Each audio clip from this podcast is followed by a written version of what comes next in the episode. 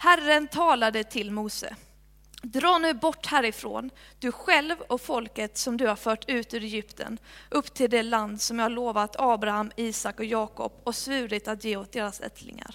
Jag ska sända en ängel framför dig och jag ska driva bort kananéerna, amoréerna, hetiterna, periserna, hivéerna och jebuséerna. Dra upp till landet som flödar av mjölk och honung. Men jag vill inte själv gå med er. Ni är ett styvnackat folk och jag kunde förinta er på vägen. När folket hörde dessa stränga ord klädde de sig i sorgedräkt och ingen bar några smycken. Herren sa till Mose, säg till israeliterna, ni är ett styvnackat folk. Om jag bara ett ögonblick följde er på vägen skulle jag till intet göra er. Lägg nu bort deras smycken, sedan får jag se vad jag ska göra med er. Då tog israeliterna av sig sina smycken och var utan dem, alltifrån berget Horeb. Mose brukade ta tältet och slå upp det utanför lägret, ett gott stycke därifrån. Han kallade det uppenbarelsetältet. Var och en som sökte råd hos Herren fick gå ut till uppenbarelsetältet utanför lägret. Varje gång Mose gick ut i tältet reste sig alla och stod var och en vid ingången till sitt tält och såg efter honom tills han hade gått in i tältet. Och när Mose hade gått in sänkte molnpelarna sig och blev stående framför ingången och Herren talade med Mose. Då folket såg molnpelaren stå framför ingången till tältet reste de sig alla och bugade sig djupt, var och en vid ingången till sitt tält. Och Herren talade till Mose ansikte mot ansikte som en människa talar jag tycker det är en dålig översättning. Det, det, står vän eller granne. Så jag säger som en människa talar till en vän. Sedan gick Mose tillbaka till lägret. Men hans medhjälpare Josua, Nuns son, en ung man, lämnade aldrig tältet. Mose sa till Herren. Det här är alltså ett svar på det första som vi läste. Du säger att jag ska leda, folk, leda detta folk på dess väg. Men du har inte låtit mig veta vem du ska sända med mig, fastän du har sagt att jag står dig nära och att jag har din gunst. Om du sätter värde på mig, så låt mig veta dina planer. Då kan jag lära känna dig och behålla din gunst. Och kom ihåg att folket är ditt folk. Herren svarade, jag ska själv gå med er så att du slipper oroa dig. Om du inte själv går med, sa Mose, så låt oss få stanna här. Hur ska man kunna veta att jag och ditt folk har din gunst om inte du går med oss så att jag och ditt folk utmärks framför alla andra folk på jorden? Herren svarade, jag ska göra vad du ber mig om, ty du har min gunst och står mig nära. Moses sa, låt mig få se din härlighet. Herren svarade, jag ska låta min höghet och prakt gå förbi dig och jag ska ropa ut namnet Herren inför dig. Jag ska vara nådig mot den jag vill vara nådig mot och barmhärtig mot den jag vill vara barmhärtig mot. Eh, det här var ett ganska långt kapitel med lite olika eh, delar och saker. Och vi ska få komma tillbaka till den här texten och dra ut saker som vi kan få eh, lära oss utifrån det. Men först så ska vi be. Ja, Herre, vi tackar dig för ditt ord och vi tackar dig att det är levande och verksamt och att du talar idag. Och vi ber Herre att du ska få tala till oss idag, att du ska få öppna våra ögon och öppna våra öron för vad du har att säga. Vi ber om det i Jesu namn. Amen. I Guds ord, alltså i Bibeln som vi läste precis nu, så står det att vissa de de kan få vara vän med Gud. Det står både om Mose, som vi läser i texten, att han var Guds vän. Vi kan också läsa om Abraham, att han var Guds vän. Jesus, han kallar sina lärjungar inte för tjänare, utan han kallar dem för just vänner. Och detta kanske vissa tycker är en lite märklig företeelse, att man kan vara vän med en Gud. Och Aristoteles, ni vet vem han är? Han levde på 300-talet före Kristus, han tyckte det var en helt galen idé att man skulle kunna vara vän med en Gud. För han menade så här att vi har inte tillräckligt mycket gemensamt med en Gud, så därför kan vi inte vara vän med honom. Han menar att vänskap i sitt liksom väsen är ju att jag och en annan person, vi kommer tillsammans och tittar på en gemensam nämnare och så ser vi, ah, men du också men gillar du också fotboll? Ja, men gillar du också att dricka kaffe? Eh, bor du också i Helsingborg? Är du också kristen? Men ingen kan titta på Gud och säga, Åh Gud, du också, gillar du också tacos? Är du också född i Uppsala? Alltså Gud är ju annorlunda än oss människor. Han är avskild och helig.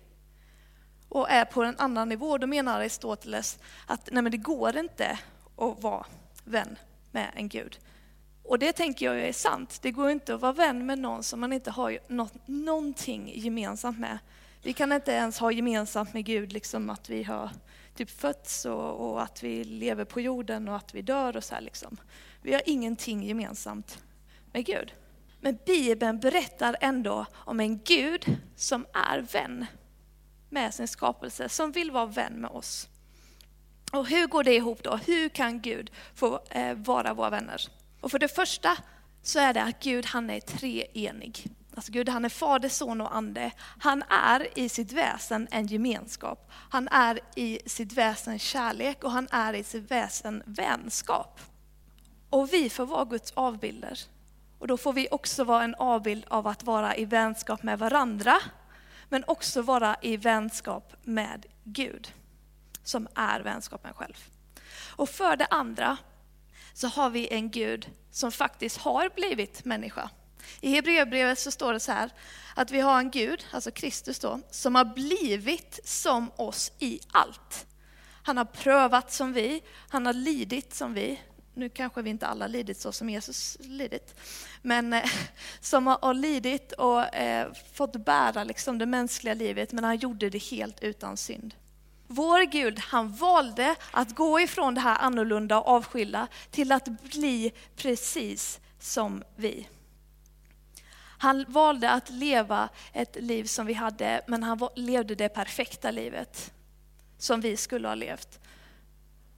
Och han valde också att ta vår synd och vårt straff som vi egentligen skulle tagit. Och på det sättet så kan ju vi då också få titta på Gud och säga, ah, men du också Jesus. Du vet också precis vad det innebär att prövas, eh, att ha det jobbigt, att lida. För Gud han har gått oss till mötes och har liksom gett oss gemensamma nämnare så att vi har möjlighet att få vara vän med Gud. Och är inte det fantastiskt? I vilken annan religion så pratar man om hur man är vän med Gud?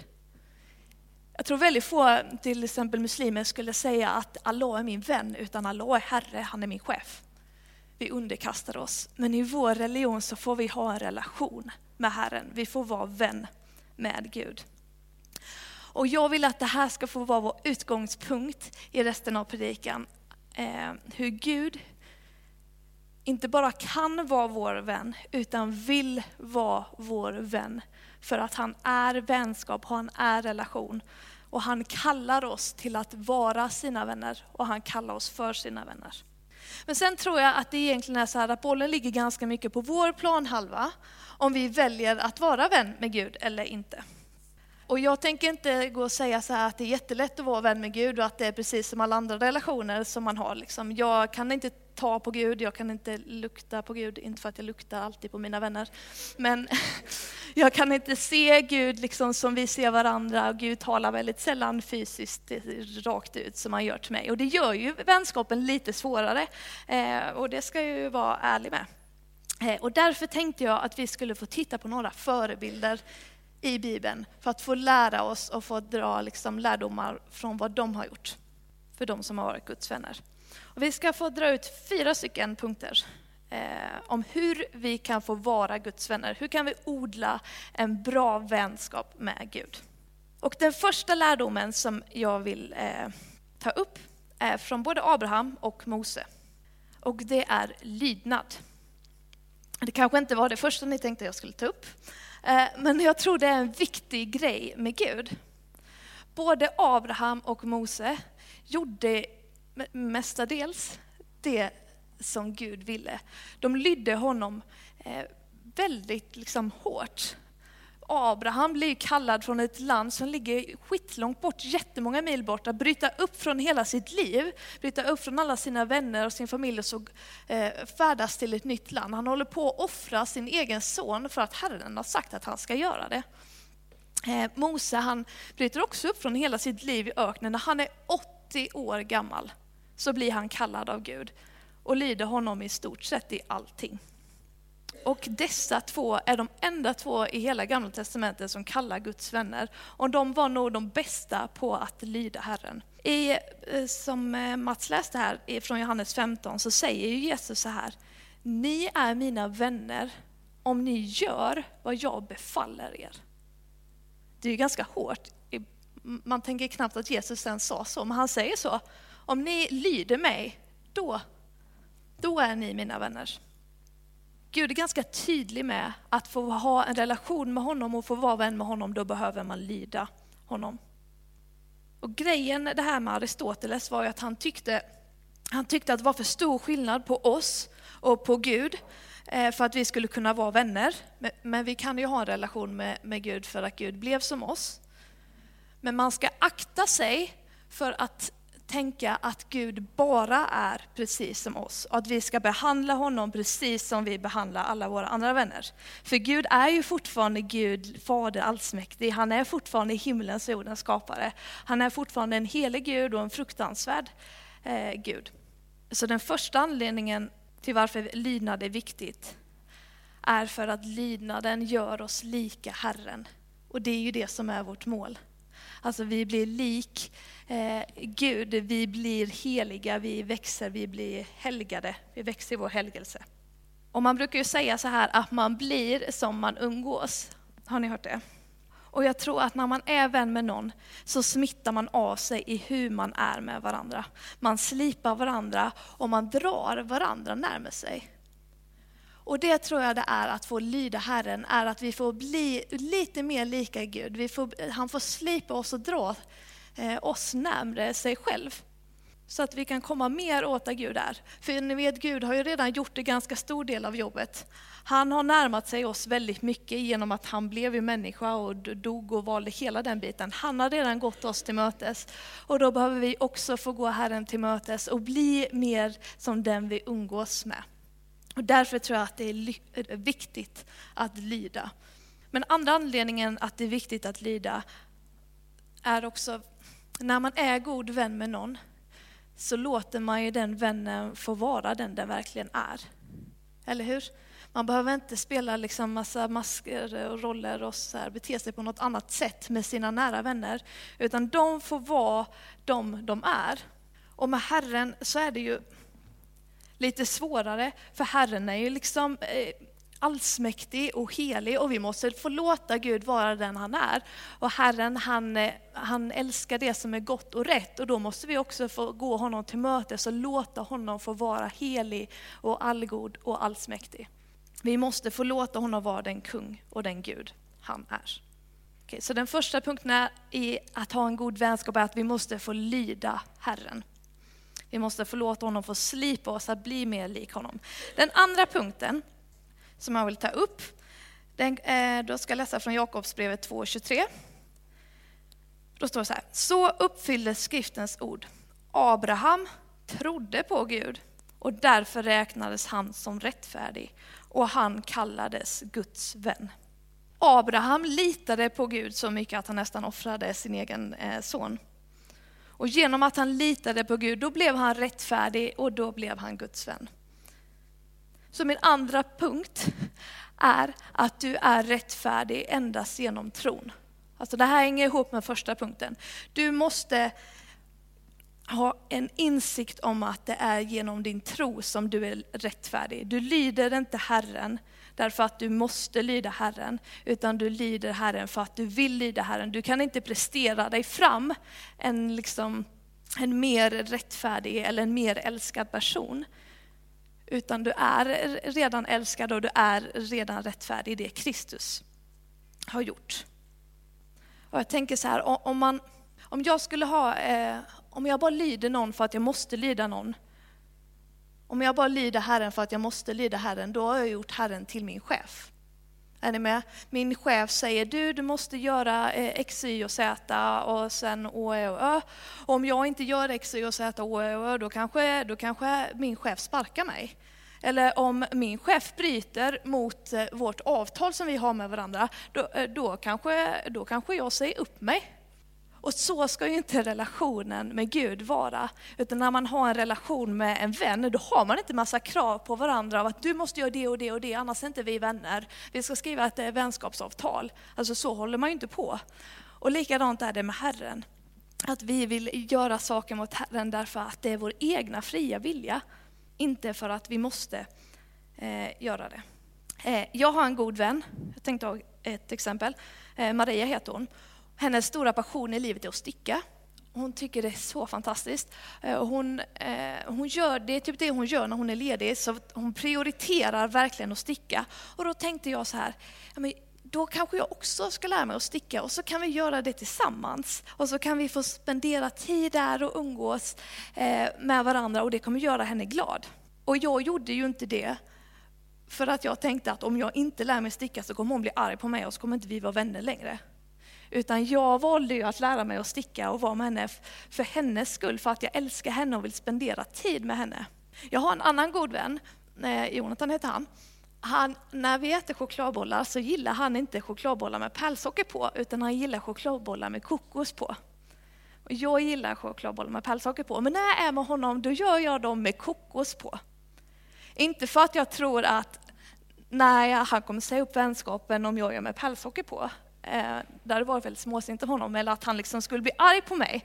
Men jag väljer ju att göra det med kokos på för att jag älskar Jonathan. Och då får det bli som en liksom kärlekshandling i vår relation. Är ni med på vad jag menar? På samma sätt är det ju med Herren. Vi är ju redan rättfärdiga, vi behöver inte prestera upp någonting för att få vara, liksom, eh, ha en relation med Gud, utan Gud har ju redan fixat all den biten genom Jesus Kristus. Gud har inga krav, alltså du måste uppfylla varenda lag och varenda grej jag har för att, du, för att du ska kunna vara min vän. Utan vi får göra det som Gud gillar, därför att vi älskar Herren och för att vi vill det. Guds lag är liksom det som står i Bibeln och alla de här lagarna som, eh, som finns i Gamla Testamentet. Det är ingenting du måste uppfylla eller det är något krav på dig. Utan du lyder Herren och gör det som Herren tycker är gott och rätt. Därför att du vill. Och det är så det är att få vara i en vänskapsrelation. Och jag tror många som är gifta också skulle säga det, att det är så det är att vara i ett äktenskap, att man gör saker för varandra för att man älskar eh, varandra och vill göra varandra glada. Och Gud har sagt väldigt tydligt vad han tycker är eh, bra, vad han tycker är gott och vad han tycker är rätt. Och då är det vår kärlekshandling mot Gud, att göra det som han tycker är gott och rätt. För att bli mer lik honom. Och om du inte inser att du är älskad, att du redan är rättfärdig, att du liksom inte kan med några gärningar eh, göra dig mer eh, god eller bra, så kommer du att göra Gud, inte till din vän, utan till din chef. Så det första jag vill säga var att du behöver lyda Gud för att bli mer lik honom. Och det andra jag vill säga är att du behöver också förstå att när du lyder honom så gör du det av, av, din, eh, av din egen fria vilja, för du är redan rättfärdig genom din tro. Och så kommer jag till den tredje punkten, och den handlar om bön. Eh, att vara vän med Gud handlar, som Daniel sa lite förra veckan, det handlar inte bara om att vara i bön och bara om att be. Men när man är vänner med varandra så pratar man ju med varandra, hoppas jag att ni gör. Eh, jag brukar prata med mina vänner och det är en väldigt stor del av min eh, relation med dem. Men det är inte bara, min, det är inte bara delen av att vara vän med någon. Och vi ska få bara kolla i det här kapitlet vi läste igen och läsa från vers 12. Och då står det ju så här. Mose sa till Herren, du säger att jag ska leda ditt folk och la Och då säger Herren svarade, jag ska själv gå med er så att du slipper oroa dig. Om du inte själv går med, sa Mose, hur ska jag då veta Eh, nej, om, eh, om du inte själv går med som Moses, så låt oss få stanna här.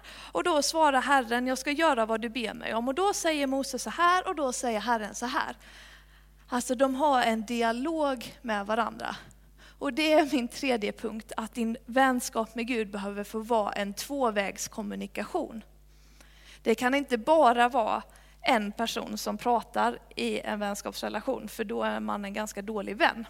Och jag tror att i, när vi ber, eller åtminstone när jag ber, så är det väldigt mycket jag som pratar och det är väldigt mycket Gud som lyssnar. Jag säger mina önskningar och Gud, eh, nu ber jag för den och den och den och var med mig där och eh, välsigna den och beskydda där och vad gör det och det, amen. Och så har jag inte riktigt lyssnat på, ja men vad har Gud att säga då?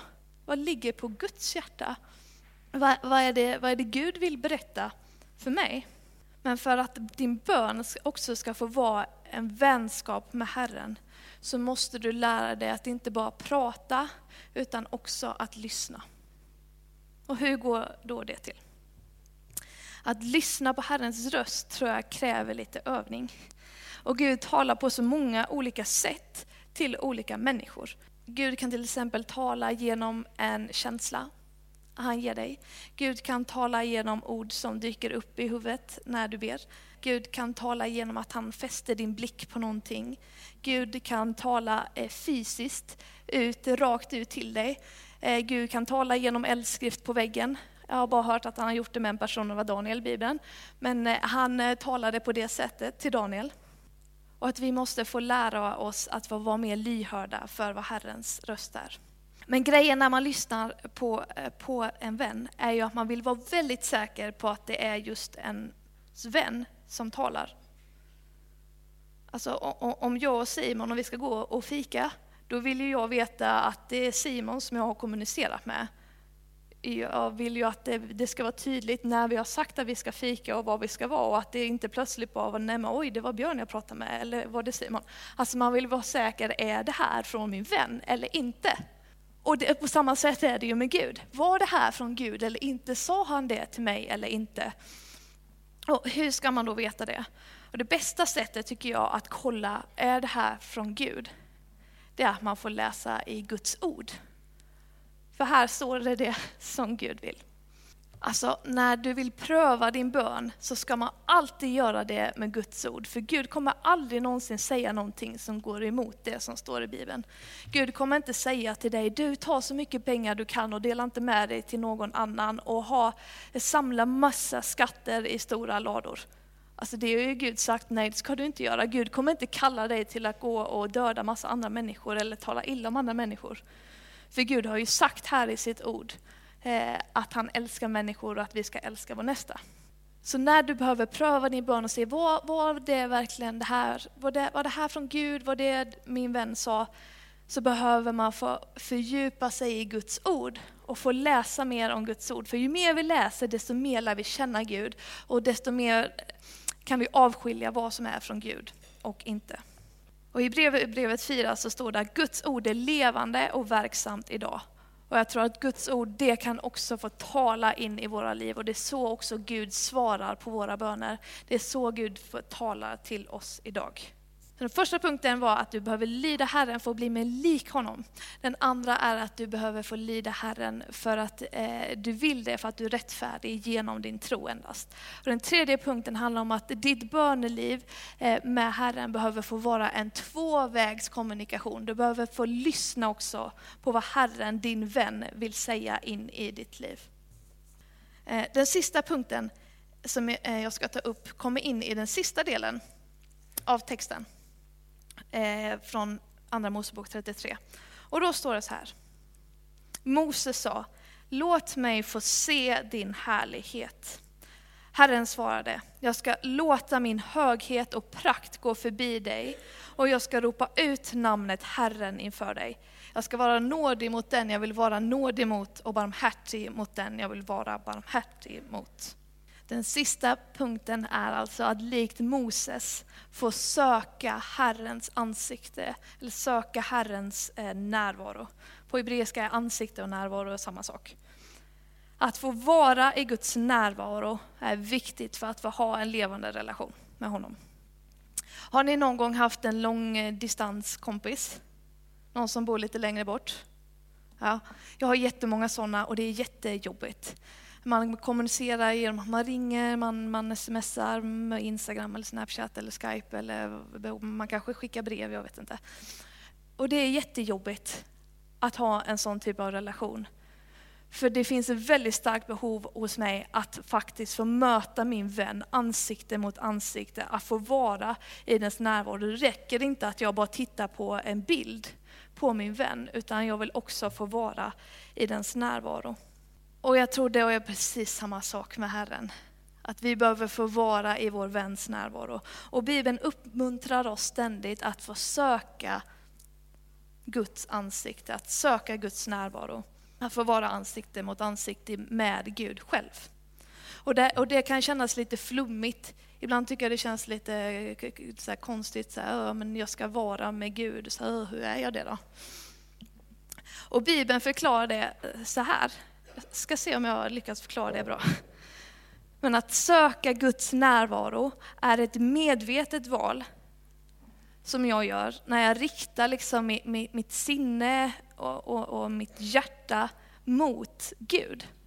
I första krönboken står det så här, sök nu Herren er Gud av hela ert hjärta. I Kolosserbrevet 3 så står det, sök då efter det som finns där uppe, där Kristus sitter på Guds högra sida. Sätt er tanke på det som finns där uppe, inte på det som finns på jorden. Alltså ett medvetet val av att liksom titta upp från allt sitt eget man håller på med och man bara glor in i sig själv. Och få lyfta liksom sin blick och få vara inför Herren. För det är ju inte så att liksom Herren har försvunnit och att vi måste leta upp honom. Det är inte det det innebär, utan Herren är ju överallt hela tiden. Utan det handlar om att jag måste ändra mitt perspektiv från att titta på mig själv och hålla på med mitt eget och få öppna upp ögonen och mitt hjärta och mitt sinne för Herren. Och på det sättet kan vi få, eh, kan vi få vara i hans närvaro. Och man kan göra det på många olika sätt. Och jag tänkte bara ge några tips eller exempel på hur man kan få söka Herren. I Psaltaren så står det så här att, att himlen proklamerar Guds härlighet. Alltså både himlen, vattnet, naturen visar vem Gud är. Och när vi är i naturen, då kan vi få söka hans närvaro. Det står till exempel att Gud eh, uppenbarar sig själv i sitt ord. Så när vi läser Bibeln, då kan vi få vara i Guds närvaro.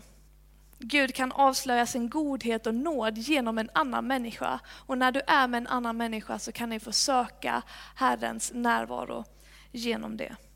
Bibeln säger att den som söker Gud kommer att finna honom. Och man kan själv välja på vilket sätt som man vill umgås med Herren, vad som passar en bäst. Om man vill gå ut i naturen eller om man vill sjunga lovsång eh, eller om man vill bara sitta i tystnad. Där får man göra det som passar en bäst. Eh, men jag tror att det är nödvändigt för er vänskapsrelation att få vara ansikte mot ansikte med sin kompis. Så det var de fyra punkterna som jag vill ta upp om hur man kan få odla en bra vänskap med Gud. Det första var att vi ska lyda Herren. Det andra var att du är rättfärdig genom din tro enbart. Det tredje är att du behöver få ha en tvåvägskommunikation med Herren när du ber. Och det fjärde är att du behöver också söka Herrens närvaro i ditt liv. Och du behöver inte se de här punkterna som en checklista att du måste bocka av och någonting du liksom ska klara av. Utan det här är mina tips till er för att få en, en god relation med Herren. Och du får göra precis vad du vill med det. Eh, men jag hoppas att det kan få vara som en liten boost in i din vänskapsrelation med Gud. Eh, och för vissa kanske den inte finns överhuvudtaget. Ni kanske aldrig har, har mött Gud och varit vän med honom. Och för vissa kanske man har en liten paus. Det har man ju med vissa vänner. Om man eh, behöver plocka upp sin relation igen. Och för vissa kanske er vänskapsrelation frodas bra. Men då tänker jag att vi kommer få ta ett tillfälle under gudstjänsten till att fundera och reflektera över vår egna relation med Herren. Hur ser den ut? Behöver jag kanske plocka upp min relation med Gud igen? Behöver jag kanske förnya min vänskapsrelation på nytt? Behöver jag kanske börja från början? Eller behöver jag bara få sitta en stund och vara med min vän Gud? Och vi kommer ta en liten stund till att göra det senare. Vår EFS-fader Rosenius, vars sång vi sjöng innan, han sa så här, se varje dag till att du har en god vänskap med din Gud. Och det vill jag skicka med dig, se till att du varje dag är vän med Gud. Och jag vill uppmuntra dig till att åtminstone göra det idag under den här gudstjänsten. Vi har en Gud som har gjort allting för att vara din vän, från att gå uppifrån himlen och ner till oss för att bli människa, för att bli vår vän. Och jag vet att han längtar efter dig. Så ta tillvara på den här stunden idag. Vi ber tillsammans. Ja, Herre, tack för att du är eh, god. Tack för att du är vår pappa. Och tack eh, Gud att du är vår vän och att du kallar oss ja, för dina vänner, Herre. Ja, vi ber att du ska få komma och vara med oss den här stunden. Hjälp oss att ha vår fokus på dig, att få umgås med dig Herre. Och tack att du vill umgås med oss, att du vill lyssna på oss. Och vi ber Herre att du ska få hjälpa oss att också lyssna på dig. Förlåt oss när vi har vänt oss ifrån eh, dig. Eh, när vi eh, vänder dig ryggen, när vi inte lyssnar på dig, när vi inte prioriterar dig. Ja, vi ber Herre att du ska förlåta oss för det. Och ja, vi ber att du ska få komma och vara med oss på precis det sättet vi behöver den här stunden, Herre. Ja, vi ber också att det som var från dig under den här predikan, vi ber att det ska få slå rot och det som inte var från dig så låt det få falla bort, Herre. Amen.